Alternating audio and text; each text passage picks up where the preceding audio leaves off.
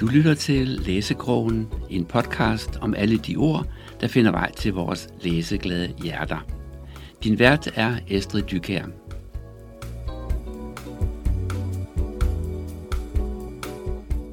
Velkommen til Læsekrogen, og velkommen til dig, Birgitte Bregnedal, som har skrevet Pigen med Sheriffstjernen.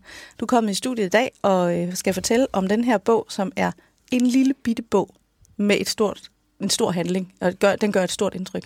Prøv at fortælle om, øh, om dig selv først. Ja, jamen, øh, jeg udkom med den her, min debutroman mm. for voksne øh, i 2021. Ja. Øh, men det betyder ikke, at jeg ikke har været forfatter et stykke tid, mm. fordi jeg har skrevet en masse børnebøger. Ja. Jeg har faktisk skrevet 27 børnebøger. Det var ikke så lidt. øh, øh, men den her pine med sheriffstjernen, den har været 12 år undervejs. Ja.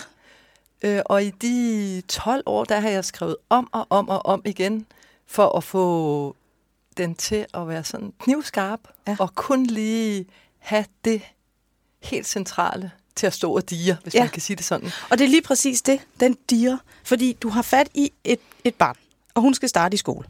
Så i virkeligheden er vi jo stadigvæk i det lidt barnlige univers, men det, der sker, er bare virkelig, virkelig en handling for voksne, for det er ikke for børn. Nej. Det er sådan en, en dag i hendes liv, hvor det hele bare virkelig, virkelig bliver forfærdeligt. Og man har hele tiden fornemmelsen af, nu går jorden under. Men det ved hun ikke. Hun indser det ikke. Og så gør du det her fine med, der er en handling. Den fylder faktisk ikke ret meget i virkeligheden, fordi hun har hele tiden små historier. Hvert kapitel handler om et eller andet i hendes liv, så man får tegnet en karikatur af, af den virkelighed, familien lever i. Og det er ikke rart. Nej. Så det er bare lige sådan for at Ja. fortælle lytteren, hvad er det, der sker her? Ja, Prøv, prøv at sætte lidt ord på, hvad er det for en bog, det her? Ja, jamen, øh, den foregår jo faktisk bare over et øh, augustdøgn Mhm. mm-hmm. i 70'erne, Ja. hvor femårige Line, Mhm. mm-hmm. øh, som er fars pige, Ja. opvokset på landet, øh, hendes øh, idyl, den krakelerer. Mm. Fordi hun har altid været fars pige, og Ja. hun har hentet øl til ham, og hun har skudt med jagtgevær med ham, og hun har ikke, hun har ikke haft et, øh, hvad kan man sige, Hun opdager egentlig ikke den dysfunktionalitet, Nej. der er i familien. Nej, for det er hendes virkelighed. Ja, og, hun, og det er helt normalt for hende, Ja. at det er sådan, det er. Og hun synes faktisk, noget af det er meget rart. Og det, som vi som voksne sidder og tænker, åh oh, gud nej, det gør de da vel ikke. Det tænker hun bare, det er helt normalt. Og Det er det er, måske meget hyggeligt. Altså hun synes da godt nok, det er lidt irriterende, når mor og far tager til bal på krogen, og at de så skal have deres dyner med i bilen, fordi så mens mor og far de fester, så kan pigerne sove ude i bilen. Det er lidt irriterende, hun aldrig rigtig kan sove. Men når far bliver fuld nok, så kommer han ud og sover i bilen med og så kan hun falde i søvn. Og det er helt normalt, og det, er- det er det, der gør den her bog øh, så fantastisk, fordi den, den, den sætter jo spor. Altså, den gør et kæmpe indtryk, fordi man sidder med den der opfattelse af, hvad er det egentlig, vi gør ved vores børn? Ja. Øhm, men også nogle gange, at man tænker, børn bliver traumatiseret af de der ting, der nu sker rundt omkring. Og så, men det praller jo af på hende meget af det. Hun fatter jo ikke, at de alle sammen synes, at hun er lidt tyk. Hun er stærk. Hun har en stærk mave. Og storesøsters mave er ikke nær så stærk som min mave. Nej. Altså, hun, hun har hele tiden vendt det til noget positivt. Men prøv at fortælle, hvordan er det, det krakler? Hvad er det, hvad er det der starter? Jamen, øh, det starter på en høstdag, Mhm. mm. hvor hun regner med, at de skal høste. Mhm. Øh, majtaskeren er over på naboens mark, Ja. og når majtaskeren er færdig derover, så vil manden komme over og begynde på deres mark. Ja. Men så er det, at ham, der kører majtaskeren, mm. han vil have penge, mm. før han begynder at høste. Og det er jo ikke normalt. Nej. Det normalt er, at man høster, og så får man betaling bagefter. Men øh, det fortæller jo også læseren lidt om, at han nok ikke er blevet betalt mm. tidligere. Ja. Øh, mens Line, hun bare synes, at manden er utrolig dum. Ja. Og så er far jo nødt til at køre i banken. Ja. Men far kører ikke i banken. Mm. Far kører op til gadekæret og får Line til at gå ind og købe øl. Ja. Eller købe og købe. Ja. Det er så meget sagt. Det er jo sådan lidt på klods. Ja, Ja. for der er ingen penge, så hun skal ligesom få fat i de der øl, uden at have penge Ja. Og det er i virkeligheden noget med, at hun har også nogle, noget pant, hun kan gå ind med. Ja. Og faren ved godt, at hvis han går ind og køber øl, så får han ikke nogen øl, men hvis han Nej. Sender hende, Ja. så Ja. ja. er der nok øl til ham. Ja, Ja. lige præcis. Ja. Og det er jo hverdag igen for hende. Det er jo ikke første gang, hun har prøvet det. Så det fortæller jo også lidt om, at det er den virkelighed, hun har. Mm. Hun synes ikke, det er så rart. Hun går lidt langsommere, når hun ikke har penge med. Mm. Så har hun lidt bedre tid øh, til at komme ind i Ja. kiosken, kan man sige, hvor hun skynder sig, hvis hun har penge med. Og så da hun kommer ud hun har fået fat i nogle øller, da hun så kommer ud, så finder hun en sheriffstjerne på trappen. Ja. Og hun er bare helt sikker på, at det er en rigtig sheriffstjerne. Ja. Og hun er en god pige, for det første, hun tænker, det er, at hun skal aflevere den til sheriffen. Ja. Hun må finde sheriffen. Hun kan ikke rigtig forstå, hvad han har lavet der, men hun må simpelthen finde sheriffen og aflevere den tilbage. ja. Og så siger faren, at det, det haster nok ikke så meget med den sheriffstjerne der. Men den følger hende hele vejen. Ja. Og i det her døgn, der mærker hun på den. Hun stikker sig lidt på den. Hun har den oppe, hun kigger på den, hun lægger den i lommen, og den, er, den skaber noget tryghed. Og hvorfor det? Hvorfor skal sheriffstjernen være med? Er det, en, er det noget, du har gjort bevidst, eller er det et eller andet, du har med fra? Øh, jamen, jeg har det med helt bevidst, øh, fordi den også repræsenterer det noget med at finde sit eget mod, Mm. og selv tage vare, og selv være sheriff i sit eget liv. Ja. Og det synes det er meget det, den handler om. Og så er det rent faktisk sket, at jeg som barn fandt en sheriffstjerne, ja. Øh, som jeg også troede var rigtig. Ja. Så på den måde, så... Har du den stadig? Nej, det har jeg desværre ikke. Men, men det Kun nemlig- mentalt. Ja, kun mentalt, og det er jo Ja. i virkeligheden det vigtigste. Når man ser det her, fordi nu siger du, der er noget, du har med fra tidligere, og det er derfor, jeg siger, er det noget, du har med fra tidligere? Den miljøbeskrivelse, du har her, hele det der landliv, og sådan, hvor har du inspirationen fra? Er det noget, du har med fra øh, altså oplevelser i dit liv, du har samlet op? Og hvordan kan du øh, sådan sætte perspektiv på, hvor er det fra? Fordi det er næsten for godt beskrevet til, at det ikke kan være ja. Noget, du har på en eller anden måde haft inde på livet. Ja, men jeg er selv vokset op på landet, mm. på slægtsgården, ja. øh, som fars pige. Ja. Der er gået i hælene på ham. Så det er jo det er stærkt inspireret af min egen opvækst. Mm. Og det er også... Øh, øh, ja, meget af det er oplevet, og så har jeg selvfølgelig fiktionaliseret det, Mm. øh, og haft frihedsgrader, Ja. fiktionens frihedsgrader. Ja. Men øh, den her, det her miljø kender jeg ja. ualmindeligt godt, Ja. øh, fordi jeg selv er vokset op i 70'erne på Ja. landet, Ja. og på et tidspunkt, hvor der var nogle helt andre, øh, et helt andet barnesyn. Det Ja, synes og- jeg også har været en vigtig ting Ja, for nogle mig. helt andre normer. Ja, Men også en anden form for øhm, sådan, kan man sige, netværk eller interaktion imellem de her landbrugere. Fordi nu kan man sige her i sidste uge, eller inden for den sidste uge, så har PostNord sagt, nu vil de lukke en masse af de her postudleveringssteder. Og så, så hører man i radioen, de siger, nu bliver øh, Koldmorten, de, bliver, de får det hårdt, fordi nu lukker de postudleveringsstedet fra PostNord. Og så tænker jeg, jamen jeg troede jo ude på landet, at man hjalp hinanden, ligesom man gør her. For der er jo faktisk et netværk. Vi kender alle sammen hinanden, vi ved, hvem der bor på alle gårdene, og er der problemer, så går man derhen. Hvis det er problemer med det ene, så er det der, og det andet, så er det her. Ja. Og så er der champignonmanden, og så er der blomstergartneren, og alle har ligesom en funktion i det her lille samfund. Og det er jo en helt anden form for norm, men det er det, jeg mener, når jeg siger miljøbeskrivelsen, fordi en ting er den dysfunktionelle familie. Det er jo det er jo en slags miljøbeskrivelse. Der, hvor jeg tænker, at du drager på nogle erfaringer, det er miljøbeskrivelsen i det lille samfund. Netop ja. med kiosken. Man kan købe på klods. Det er faktisk okay. De har nok ikke været de eneste børn, der lå ude i bagagerummet, mens mor og far de drak sig fulde til bal. og, og, og, og tanken, at faren han tager sit jagtgevær for at, nu siger jeg noget grimt, at skyde nosserne af blomstergartneren, er egentlig, det er ikke en trussel, der ligger helt vildt langt væk.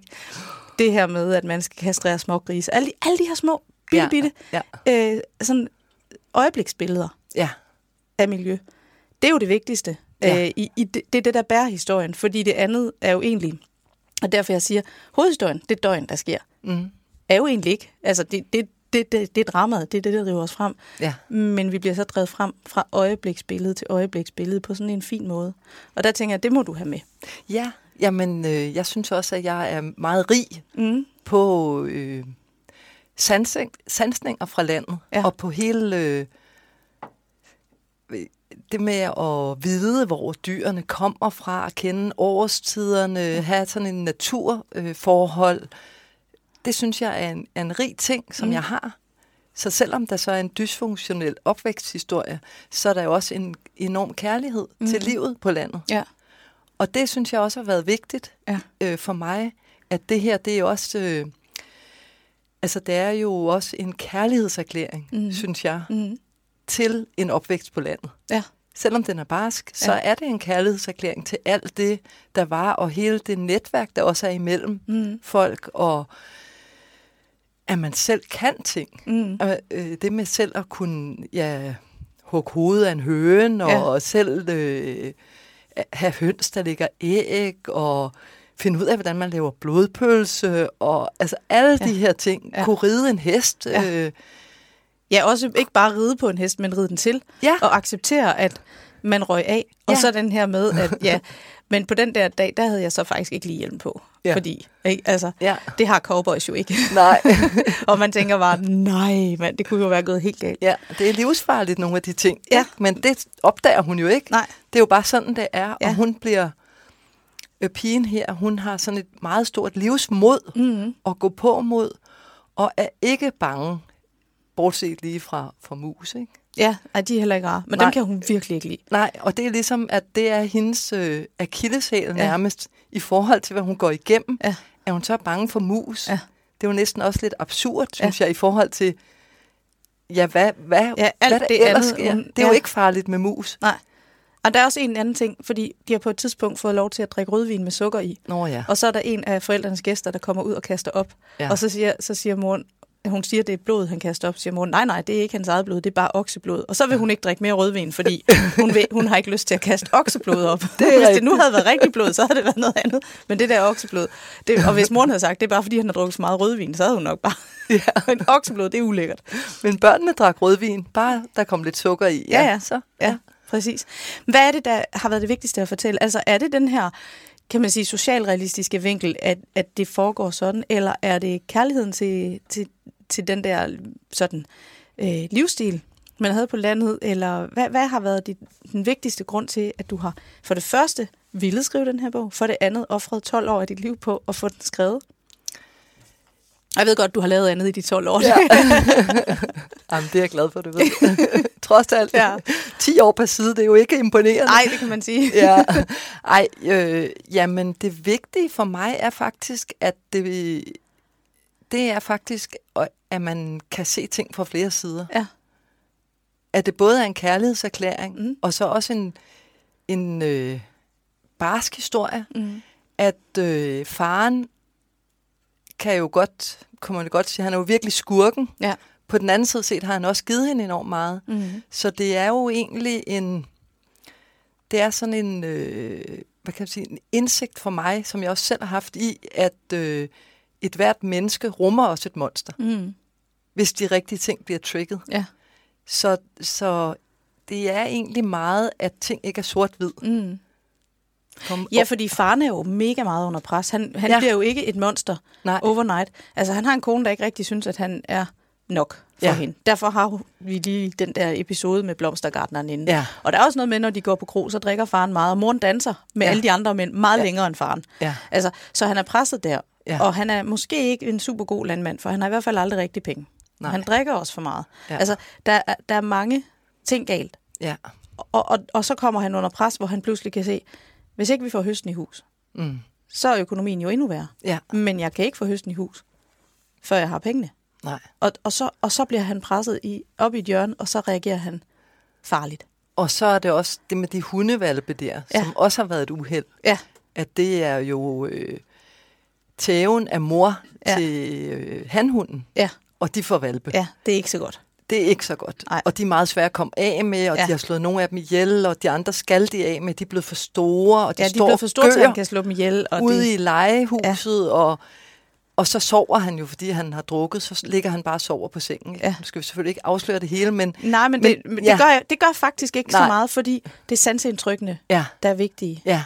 Og, og det, det, som moren jo så gør, som jo også er, er ret voldsomt, det er, at hun tager en spand koldt vand og hælder. Ja. ned til ham i sengen, som jo gør, at han springer op, Ja. øh, og så er det her monster. Ja. Så det bliver også, det er også noget, altså det er forfærdeligt, det ja. han gør, Ja. men det er også en optrapning, hun får gjort, Ja. som jo øh, skaber en rigtig farlig situation for hele familien, Ja. som begge de voksne er ansvarlige for, Ja. vil jeg sige. Ja. Og så har det jo været rigtig vigtigt, det der også har været rigtig vigtigt for mig, det er også det her med, at øh, jo faktisk også at, at skildre barnets håb, mm. og alt det, som et barn egentlig har. Ja. Og grunden til, at det ligesom skulle foregå dagen før skole, det er fordi, at jeg også synes, at skolen er jo barnets mulighed for at få en Ja. ny verden, Ja. og for at bevæge sig ud. Der er den her dysfunktionelle familie, men som alligevel også har lagt en grund mm. med nogle værdier. Og så ved at komme i skole, det er noget, hun gør på egen hånd. Ja. Det er ikke noget, hvor hun er afhængig af sine forældre. Så kan hun bevæge sig ud i verden. Så Og hele den her dag, og den her aften, hvor det går helt galt, ja, hun har et fokuspunkt. Hun skal, hun skal have sin skoletaske, og hun skal i skole i morgen. Og det er faktisk det vigtigste. Skoletasken er det vigtigste. Og hun kommer til på et tidspunkt, som er ret kært, og jeg kan så meget følge det fra, fra altså både min egen tankegang, da jeg var barn, men også børnene derhjemme. Det der med, det er faktisk okay, du kommer i skole med bare strømpesokker eller bare tæer, men du skal den have din skoletaske. Du kan simpelthen ikke, det går ikke uden.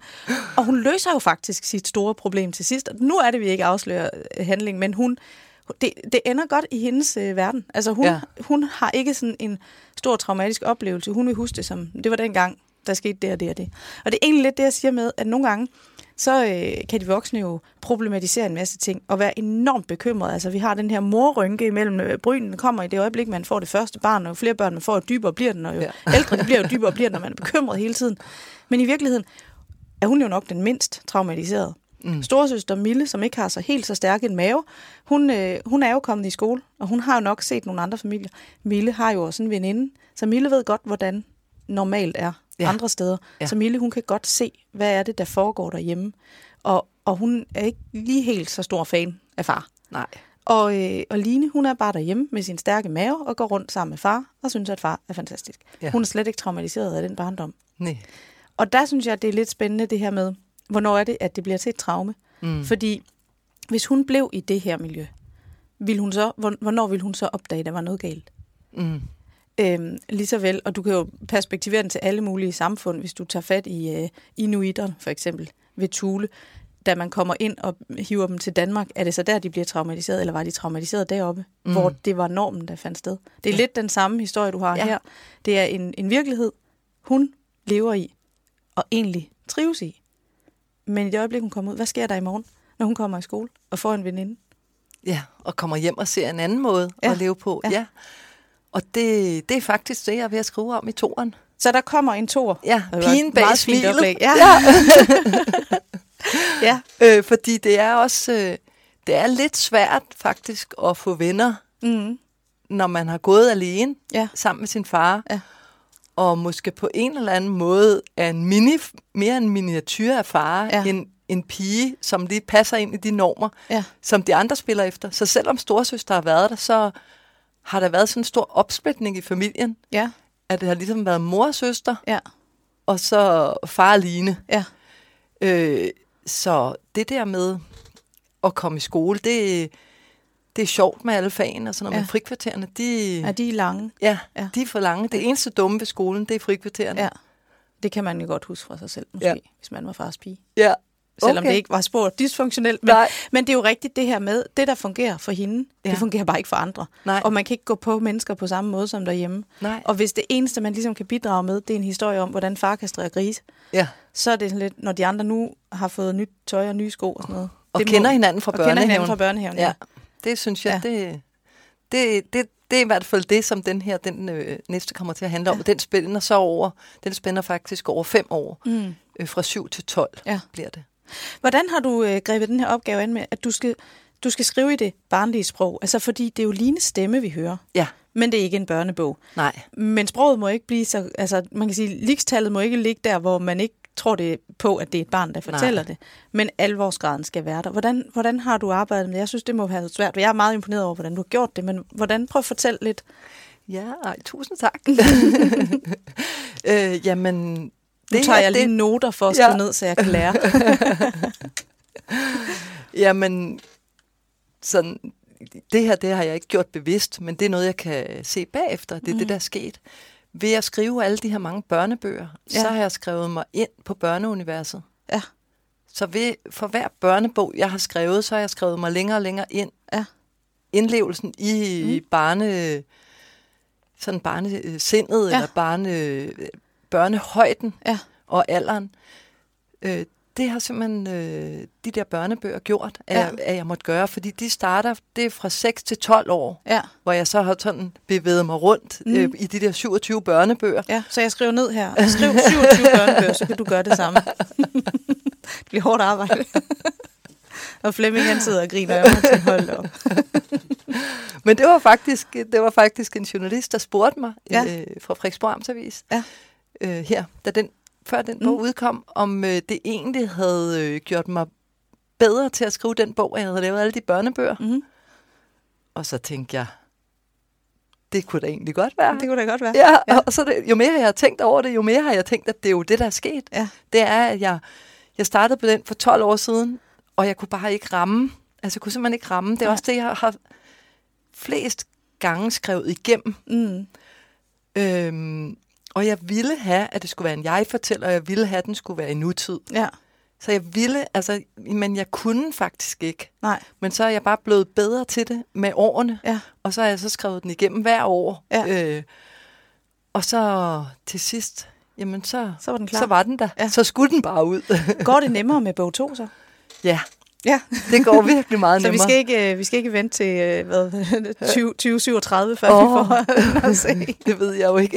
Jeg synes også, det gik rigtig godt med pigen med serifstjernen de første to år. Ja. Havde du øh, en titel fra starten af? ja Så det har været ligesom det har været. hele ja. vejen igennem? Og hele ja. handlingen har været, øh, den har, har været der. ja, så det har været formen, der har drillet? Ja, Ja. og så har den også været for lang. Altså nu er den jo meget kort, ja. men det er ligesom de der scener Ja. fra barndommen og sansninger, Ja. som du fremhæver, Ja. dem var der bare blevet lidt for mange af. Ja, Så lige pludselig så var der sådan barske oplevelser, der lidt stod i kø. ja for at komme ud. Ja, og Ja. så det var ligesom om altid, når jeg læste igennem to manuskripter, så når jeg nåede til side 37, Ja. ja. så gab der, og jeg blev bare så træt. Man behøver måske ikke læse det hele i en køre. Men altså, jeg vil sige, det der med sansningerne, det er meget, meget vigtigt. Og det er jo ikke fordi, at handlingen i sig selv ikke er vigtig, for det er den. Og budskabet om den dysfunktionelle familie er også vigtigt. Det er slet ikke det. Men de her sansninger, altså, jeg, jeg har også haft øh, nogle venner, der boede på landet. Og, øh, og der var sådan en helt specifik episode, hvor, øh, hvor faren i den her familie, han havde lavet et svømmebassin med en jordvold og en præsending. Ah. Den var godt nok turkis. Og det der med at ligge der, og det var så fantastisk at ligge, og det var bare luksus, og det var swimmingpool, og det var så fedt. og på mange lige ved siden af blev der spredt gylde. og vi synes bare, det var luksusbag. vi har jo simpelthen... Men, og, og den der fornemmelse af at gå fra det der faktisk ret kolde vand i det der svømmebassin, hen over det der grus, ind for at få et varmt bad, for at få varmen igen. Ikke? Og man synes jo simpelthen, det var jo ligesom at være... Altså folk tager på marinløst her og betaler tusindvis af kroner for det. Vi fik en meget større luksus. Og så, så havde jeg læst det her, og så tænkte jeg, wow, jeg troede, det var noget, Børge havde fundet på helt for sig selv. Det er åbenbart noget, andre også har gjort. Jeg ved, hvor han fik ideen. Og det, og det er det, jeg siger, det er simpelthen så præcist beskrevet, de her ting, lige præcis i det her. Nu har jeg også så oplevet det i 80'erne, og det her er lidt i 70'erne, men, men det er jo lidt det samme øh, Ja. miljø. Men også det her med, at lige pludselig så kan man øh, få smadret idyllen af noget Mm. så kedeligt som økonomi, og det har jo været stort. Nu har vi jo nogle minkavlere, der har haft øh, nogle problemer. Det var der også i 80'erne, minkavlere, der øh. Ja. rendte ind i problemer, og i 90'erne for den sags skyld. Men, men det er mere den der med, at man som landmand altid arbejder på en knivsæg. Fordi Ja. næste år, så kan høsten slå fejl, Ja, og så kan det være, at du må gå fra gården. ja. Øhm, og måske går det godt næste år, men det er bare ikke nogen garanti for, at du er der om 10 år. Nej. Øhm, hvordan er det at leve i det? Det er bare lige for at tage lidt fat i det øh, emne, for det tror jeg faktisk mange byboere helt overser, det her med, at du øh, lever i det. Hvordan er det at vokse op i et miljø, hvor du faktisk øh, har forældre, der er økonomisk under pres? Jamen, det har i hvert fald gjort, at jeg ikke ville være under økonomisk pres. Ja, Så jeg blev økonom. ja, Jeg ville i hvert fald have pengene til at stemme. ja, Øh, og det var jeg arbejdede faktisk 13 år som økonom, Ja. øh, før jeg sprang ud og begyndte og ville være forfatter. ja. Fik den idé Ja. og knoklede på det i mange år. Det har jeg også gjort, det der Ja. med at være økonom. Ja, okay. Ja. Så der er nogle lighedspunkter der. Ja, Ja, ej, øhm, ej, jeg vil sige, at det har skabt et øh, enormt behov for at have en tryghed Mhm. mm. for mig. Ja. Altså, det var noget af det, jeg begyndte faktisk allerede at arbejde, da jeg var 11 og tjene penge. Mm. Og Mhm. så siden dengang, jeg, det lyder sådan lidt mærkeligt, men der har jeg altid haft penge i banken. ja, Øh, så måske set for andre har de tænkt, at jeg havde penge, men det er bare, fordi jeg aldrig brugte nogen. ja, Jeg sørgede bare for, at de var der, Ja. fordi det var virkelig... Det synes jeg har været meget definerende for den livsvej, jeg kom til at vælge. ja, Øh, og det synes jeg faktisk ikke øh, er så godt, fordi jeg havde rigtig mange passioner, ja, og jeg valgte ikke passioneret. Nej. Jeg valgte udelukkende ud fra, at det skulle ligesom... Øh, altså, jeg skulle i hvert fald ikke komme i problemer. Og egentlig ville jeg gerne være journalist, så var Ja. jeg bare lidt ung, og så Ja. kom jeg til at starte på Handelshøjskolen, og så, ja, så gik det Hvis jeg bliver vej. sådan lidt bleg, så er det fordi, du sidder bare og fortæller min livshistorie nu. Nå, okay. Fuldstændig det samme. Så øh, ja, det, det, der kan man så sige, der har vi så prøvet lidt det samme. Ja. Øhm, og, og du er blevet præget af den her opvækst. Nu vil jeg sådan, øh, vi skal sådan til at runde af, så jeg vil lige afslutte lidt med at fortælle om bogens format. Ja. Fordi vi har jo at gøre med en lille bog. Ja. Og øh, jeg er jo meget, meget glad for at anbefale bøger til folk, der siger, at jeg læser aldrig bøger. Der er mange, der siger, at de aldrig har tid til at læse bøger, og de ikke har nogen bøger. Den her bog, kan læses af alle. Måske ikke lige 8-9-årige børn, det er ikke egnet. Altså, de vil kunne læse den rent ligestalsmæssigt. Men den er jo fin, fordi den er inddelt i små afsnit. Så man kan læse den, når man lige har 5 minutter. Ja. Så man bør have den i sin taske eller sit handskerum. Når man kommer fra øh, et eller andet sted, og man skal til det næste møde, man ankommer et kvarter for tidligt, og så sidder man der. Man kan læse på sin øh, telefon, så kan man jo sidde og læse nyheder på BT. Det er skide kedeligt. Mm. Man kan også tage den her bog i handskerummet og lige læse et afsnit og få et sansindtryk og fornemme det. Den er ikke så tyk, den, er, den fylder ikke ret meget i tasken. Nej. Og sådan simpelthen så smukt. Det er en af de smukkeste forsider. Er du ikke enig, Flemming? Han nikker. Fordi der er nogle hvide aks. Er det ikke hvide? Jo. Ja, sådan i forskellige farver, ja. ind på sådan en mørkeblå baggrund. Så den er, den er smuk og enkel og let at gå til. Og så er den bare en gribende handling og nogle fantastiske sansindtryk. Så det er en bog, man skal have fat i, og man kan købe den alle steder. Og Ja. låne den på biblioteket. Og Ja. øh, jeg ved, E-reolen har den som en, hvad er det, en stor...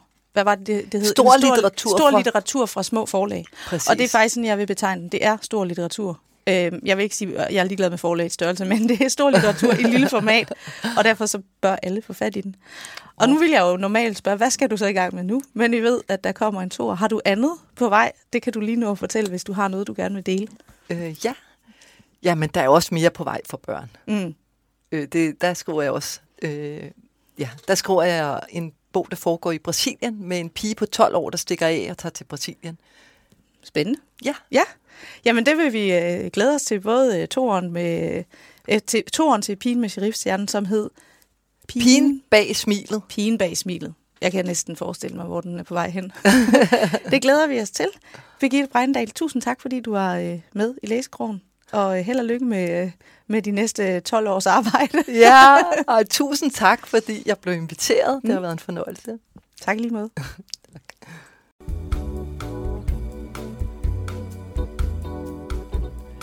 Du har lyttet til Læsekrogen med Estrid Dykær.